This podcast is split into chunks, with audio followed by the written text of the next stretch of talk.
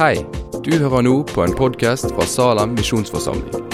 En menighet i sentrum av Bergen. Vil du vite mer om oss eller komme i kontakt med oss, gå inn på salem.no.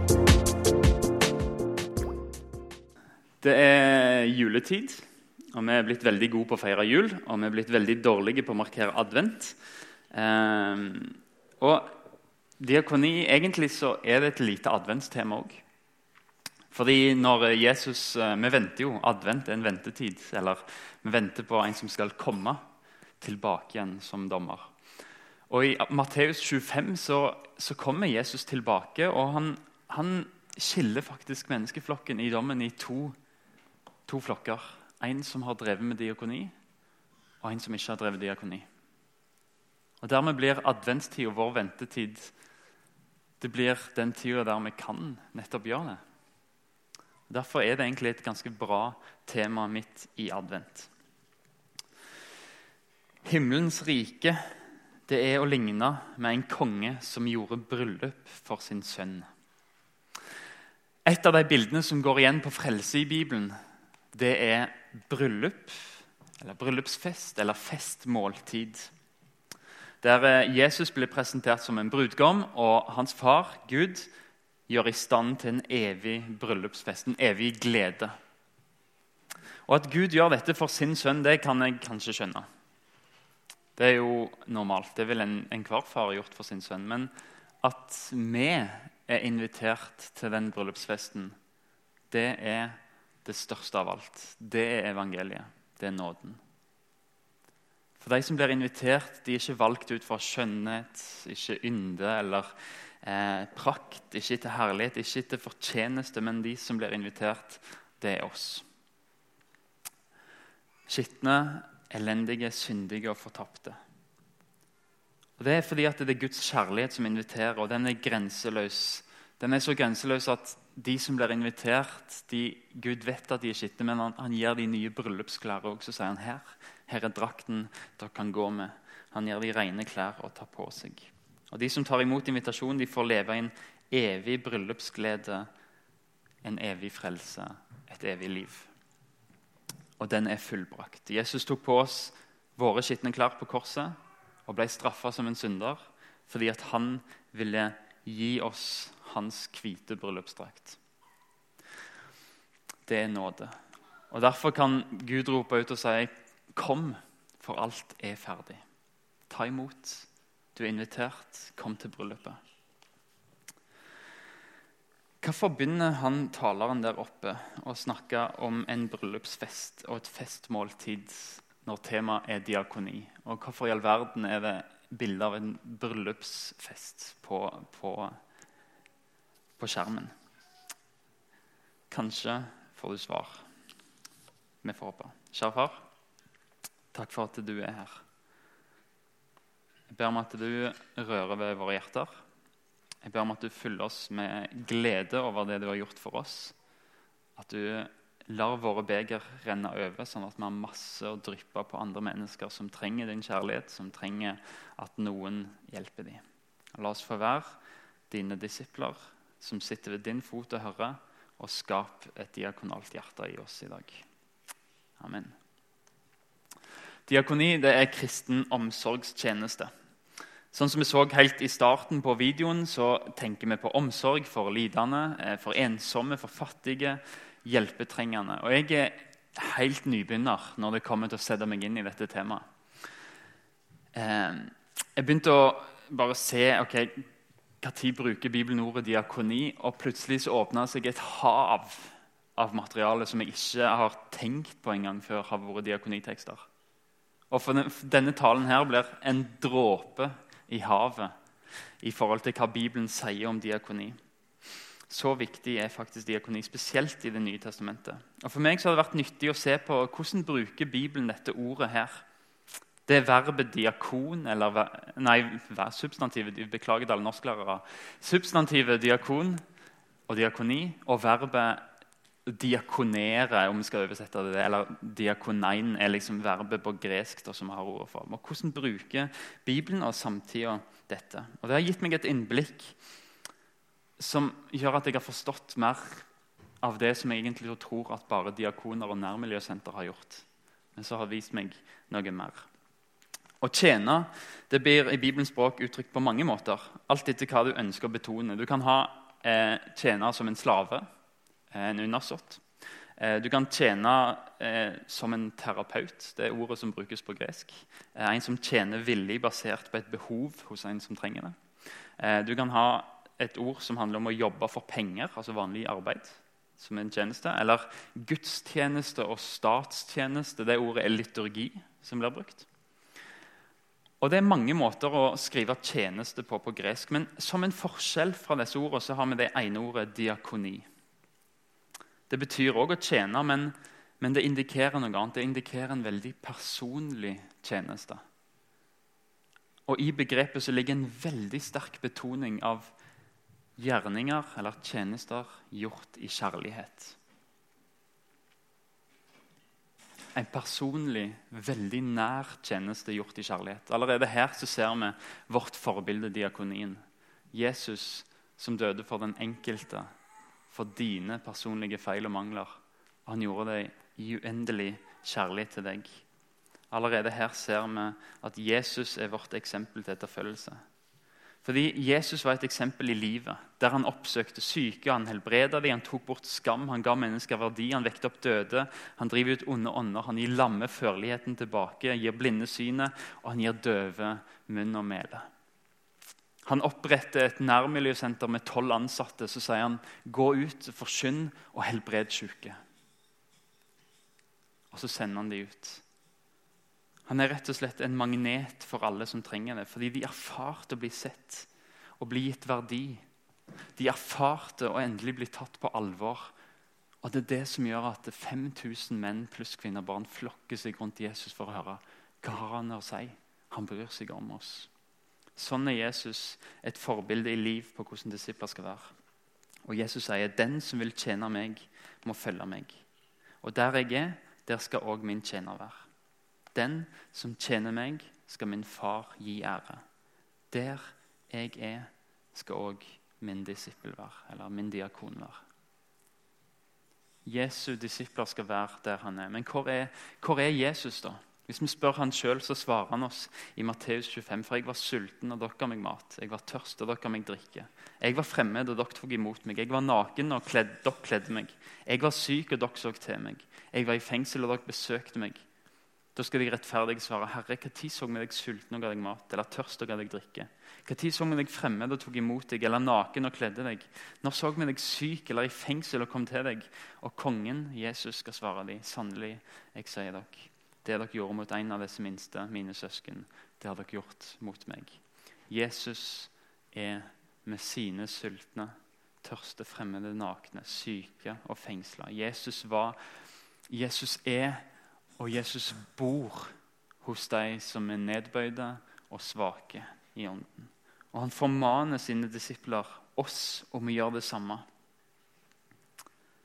Diakoni i Det nye testamentet det refererer til omsorgstjenestene for å hjelpe trengende fattige, sultne, tørste, hjemløse, fattige, fanger, syke, funksjonshemma, blinde, enker, foreldreløse, undertrykte, ensomme og innvandrere og fremmede når vi leser Mosebøkene òg.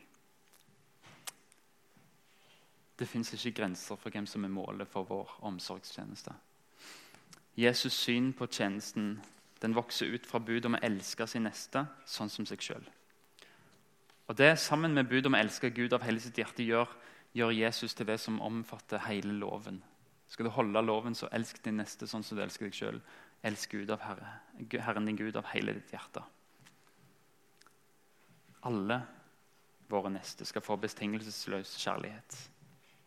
Det viser Jesus oss gjennom den barmhjertige samaritanen. Absolutt alle. Det fins ingen grenser for hvem vi skal vise vår kjærlighet til, vår omsorg. Fordi diakonien vår den har en grenseløs målgruppe. Og en diakon hvis jeg skal si det med mine egne ord, en diakon det er en Jesu disippel som har fått i oppdrag i å tjene Jesus gjennom å tjene den som Jesus elsker. Og Det er ikke sånn at eh, vi får lønn for den tjenesten. Det er ikke sånn at jeg får lønn for å tjene andre. Det er ikke sånn at Jorunn Marie får ekstra bonus i himmelen for å, for å tjene i nærmiljøsenteret. Men det er Gud som skal ha æren. Det er han som skal ha lønna for det vi gjør. I ordspråkene så står det 'den som undertrykker den svake, håner han skaper'.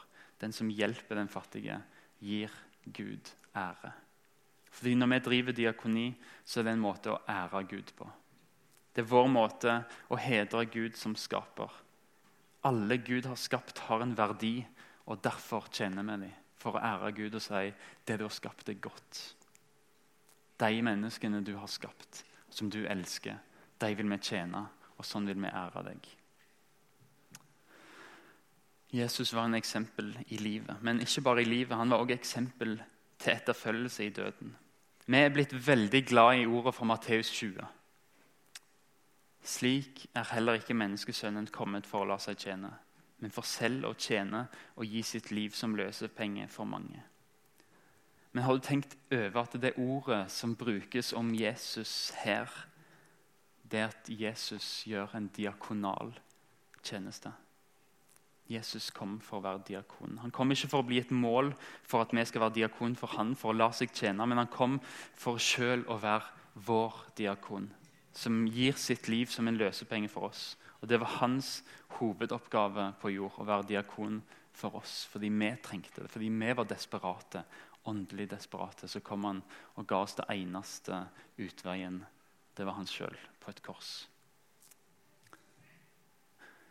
Jesus som diakon i liv og i død er utgangspunktet for all vår diakoni. Han elsker oss betingelsesløst. Han la ned sitt liv for oss. Og han gjorde det i full visshet om at det er ikke sikkert at du kom til å elske han tilbake. Han gjorde det allikevel.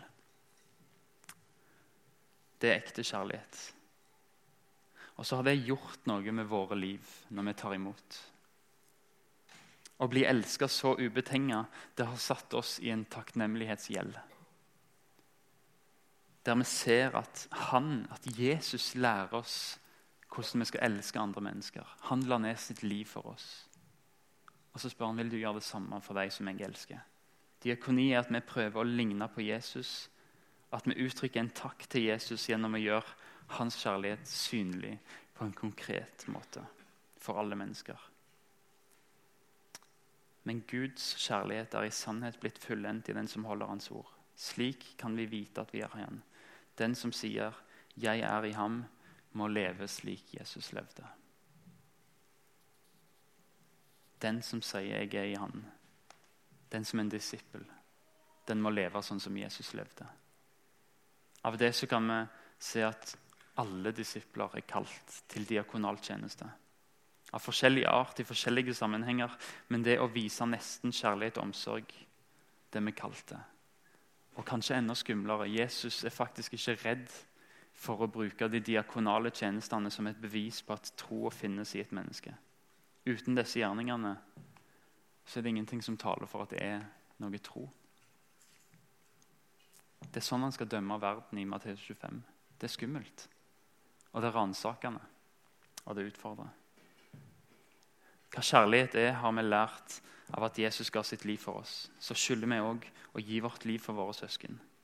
Men den som har mer enn nok å leve av, og likevel lukker sitt hjerte når han ser sin bror lide nød, hvordan kan han ha Guds kjærlighet i seg?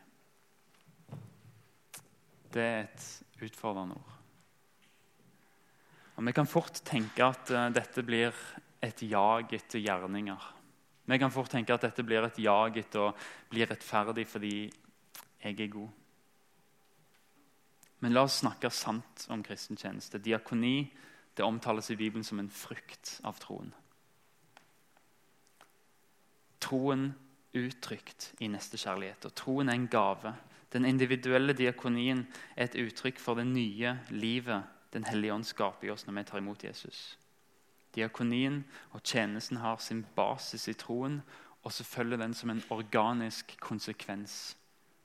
Gud skapte tro i oss, og Gud nærer den troen gjennom bønn, gjennom bibellesning, og frukten som kommer, det er tjeneste. Det er glede, Det er fred, det er overbærenhet, men det er òg nestekjærlighet i praksis. Sånn er diakonien en del av vår helliggjørelse. Den prosessen som Gud jobber i oss for å bli mer og mer lik Han. Peter bruker dette ordet diakoni når han skriver tjen hverandre, hver og en med den nådegaven han har fått. Som god forvalter av Guds mangfoldige nåde. Den som taler, skal se til at han taler som Guds ord. Og den som tjener, skal tjene med den styrke som Gud gir. Den som driver diakoni, skal drive diakoni med den styrke Gud gir. Det ligger ikke i oss. Gud gir det til oss. Sånn skal Gud i ett og alt bli æra ved Jesus Kristus. Han tilhører herligheten og makten i evighet. Amen. Vi gjør ikke diakoni for å bli frelst. Vi driver diakoni fordi vi er frelst. Vi tjener andre fordi vi ser hvordan Jesus tjente oss. Det handler om å gi videre det vi har fått av Han. Frelst av nåde ved tro. Og Sånn er det òg med tjenesten vår. Den, den ferdiglagte gjerninger av nåde som vi går i ved tro på at Gud utruster oss til dette. Den balansegangen er viktig å få fram. At vi skal være nestekjærlige i praksis, i gjerning, men vi gjør det fordi vi allerede er frelst. Gud tok israelsfolket ut av Egypt. Han frelste dem. Det var bare nåde. De gjorde ingenting. Og så når de kom ut av Egypt, så sa han her er de ti bud. Nå kan dere begynne å leve sånn fordi jeg har frelst dere. Jeg vil dette for dere. Det er bra for dere. Og det er bra for de rundt dere. Og Det samme er det med kristen tjeneste. Han har frelst oss, og så gir han oss et kall og sier dette er bra for deg. Dette er bra for deg rundt dere. Dette tjener Guds rike. Jeg hører flere kristne som sier at de ikke er rette folk til å stå foran en stor forsamling og snakke. Jeg kan forstå at, at dette ikke er for alle. Det er kun de tøffeste som Nei, Men det har vært spennende for meg i dette studiet til den talen å se at det, det virker som om Bibelen faktisk anerkjenner det. For både i apostelgjerningene 6 og i 1. Peters brev 4, sånn som vi leste i stad, så skjelner Bibelen mellom to ord. Ordets diakoni, altså forkynnelse og utlegging av Bibelen, og bordets diakoni, eller praktisk diakoni, som er de praktiske gjerningene som drives fram av kjærlighet som ferdiglagte gjerninger. Jesu disipler har to forskjellige tjenester å gå i. Ordets tjeneste og mange nådegaver under der, men òg bordets tjeneste, praktisk tjeneste og veldig mange nådegaver under der òg. Og Det kan være frigjørende for dere som ikke orker, eller dere som ikke tenker tanken å snakke foran folk, men samtidig så er det forpliktende òg. Det forplikter oss til det faktum at Gud utruster oss som disipler. Forskjellig, til forskjellige tjenester, men Gud utruster oss og kaller oss og sender oss. Jeg starta denne talen med å fortelle om hvordan Gud forklarer frelsen som en bryllupsfest, som et festmåltid, der alle er invitert og alle er verdige pga. Jesu offer på korset. Den som tar imot hans tilgivelse, den får være med på festen. Som et bilde på, på det evige livet. Og Det ville jo være retorisk svakt av meg å la dette poenget henge i løse lufta. Og Noen av dere hadde sikkert ikke fått sove engang hvis jeg ikke forklarte hvorfor. Hvorfor i all verden plukker han ikke opp den løse tråden? Men vi skal feste den tråden til glede for de av dere som er sånn ekstreme ordensmennesker. Så får dere nattesøvn før ei ny uke.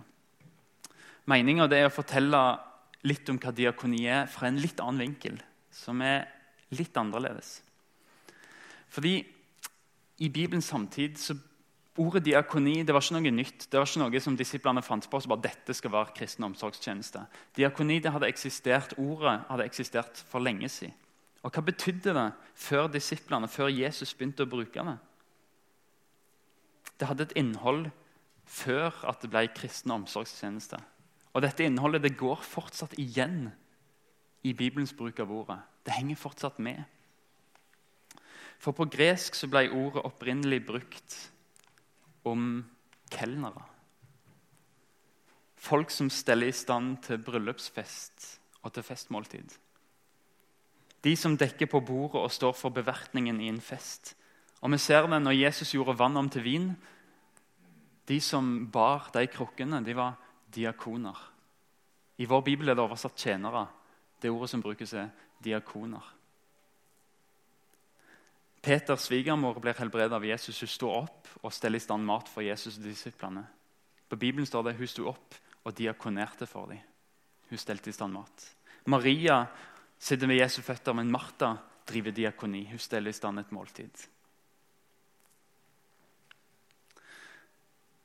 Her igjen blir Jesus og Gud far forbildet. De har gjennom at Jesus kom til jord og la ned sitt liv som et stedfortredende offer for oss, åpna opp til en evig fest i himmelen. Og alle er inviterte og responderer på den invitasjonen ved å enten takke ja eller takke nei. Men alle er invitert, og alle får bryllupsklær. De som takker ja. Og vi skal òg få være med og stelle i stand et festmåltid. Vi steller riktignok ikke i stand til det evige festmåltidet som diakoner. Fordi der sier Jesus 'kom, for alt er ferdig'. Der har Jesus gjort alt. Folk blir ikke frelst av at vi tjener med diakonale gjerninger, men vi får være vitner om et enda større festmåltid. Med å stelle i stand et slags måltid av praktiske gjerninger som peker på Jesu person og hans barmhjertighet. Og Hvordan ser det ut egentlig i praksis? Det vil se forskjellig ut i alle sitt liv, men i Salem forsamling sitt liv så gir dette uttrykk av at vi har bestemt oss for at vi vil være kelnere. Som vil stelle i stand en buffé. Vi vil besøke de syke for å vise hvordan Jesus ser til de fysiske og åndelige syke. Vi vil kle de fattige for å vitne om hvordan Jesus gir oss rene bryllupsklær. Vi gir mat til de sultne for å vise hvordan Jesus er livets brød. Det evige livets brød. Vi vil ta oss av de fremmede og lære dem norsk for at de skal kjenne seg nye i sitt hjemland, for å peke på Jesus, hvordan han tok imot fremmede. Og hvordan han har lært oss et nytt språk, en ny kultur, og gitt oss et nytt hjemland i himmelen. Vi hjelper de eldre og hjelpetrengende med å handle mat og kjøre dem til legen for å peke på hvordan Jesus hjelper den totalt hjelpeløse.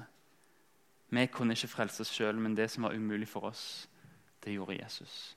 Vi driver barnehage for å vise hvordan Jesus har gitt oss et fellesskap, og hvordan han tar imot barna. Vi går ut til rusavhengige og hjemløse i Bergen by for å vise hvordan Jesus kommer oss, til oss med en invitasjon som var ekstremt uventa. Vi fortjente det ikke, men han kom til oss fordi han elsker oss.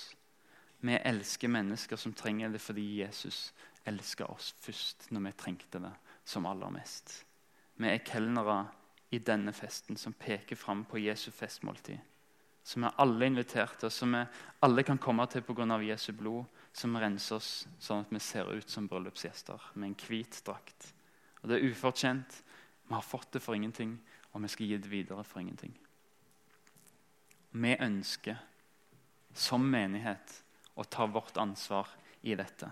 Og Derfor har vi Salem nærmiljøsenter som er vårt måltid, som er vår buffé. Som vi inviterer folk til for å vise dem i fysiske eksempler hva som har skjedd åndelig med oss. Og så får vi peke på Jesus, som er grunnen til denne kjærligheten men skal vise hans kjærlighet i praksis. Og Jeg håper du vil være med på det i bønn, i tjenester, med økonomiske midler.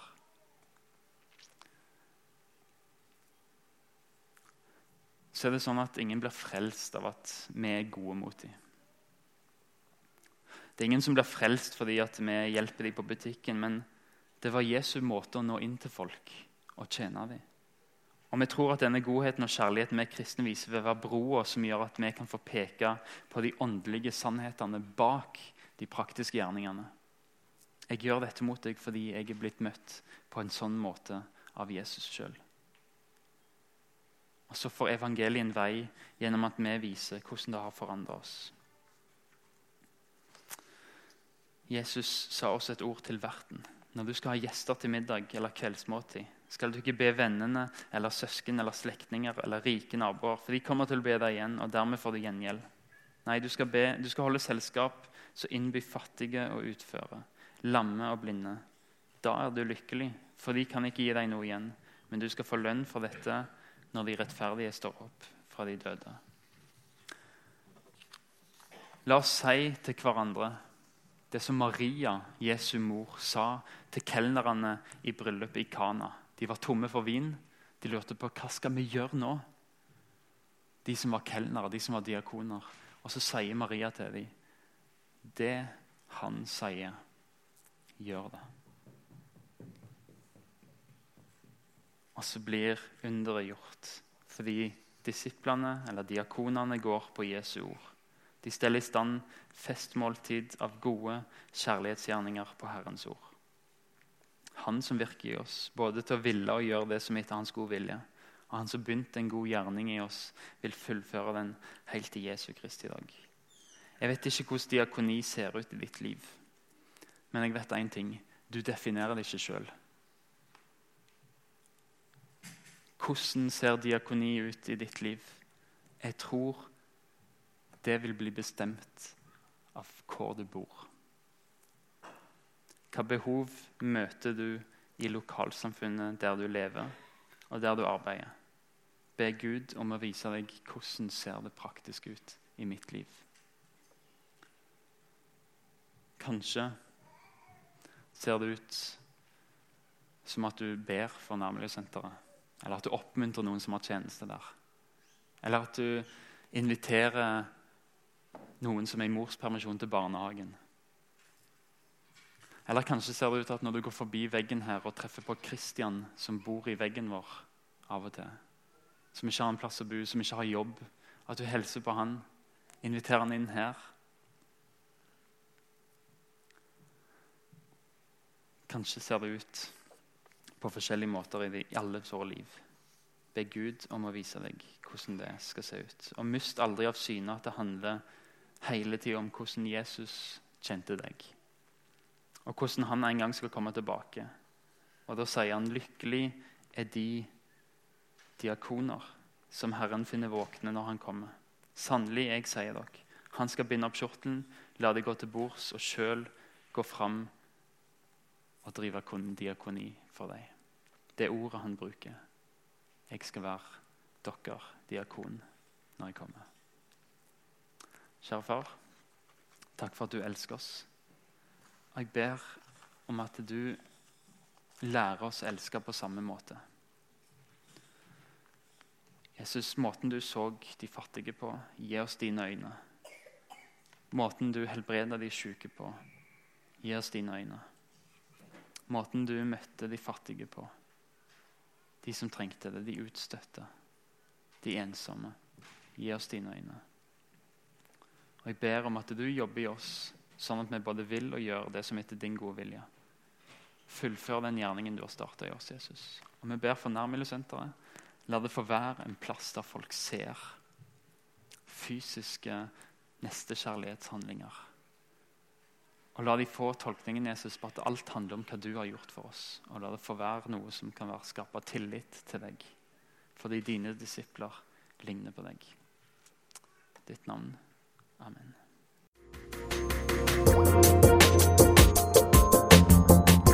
Takk for at du har hørt på podkasten fra Salem, Bergen. I Salem vil vi vokse i et stadig dypere fellesskap med Gud og med hverandre. Vi vil være Jesu hender og føtter, og vi vil være med og forkynne frelse for Bergen og resten av verden.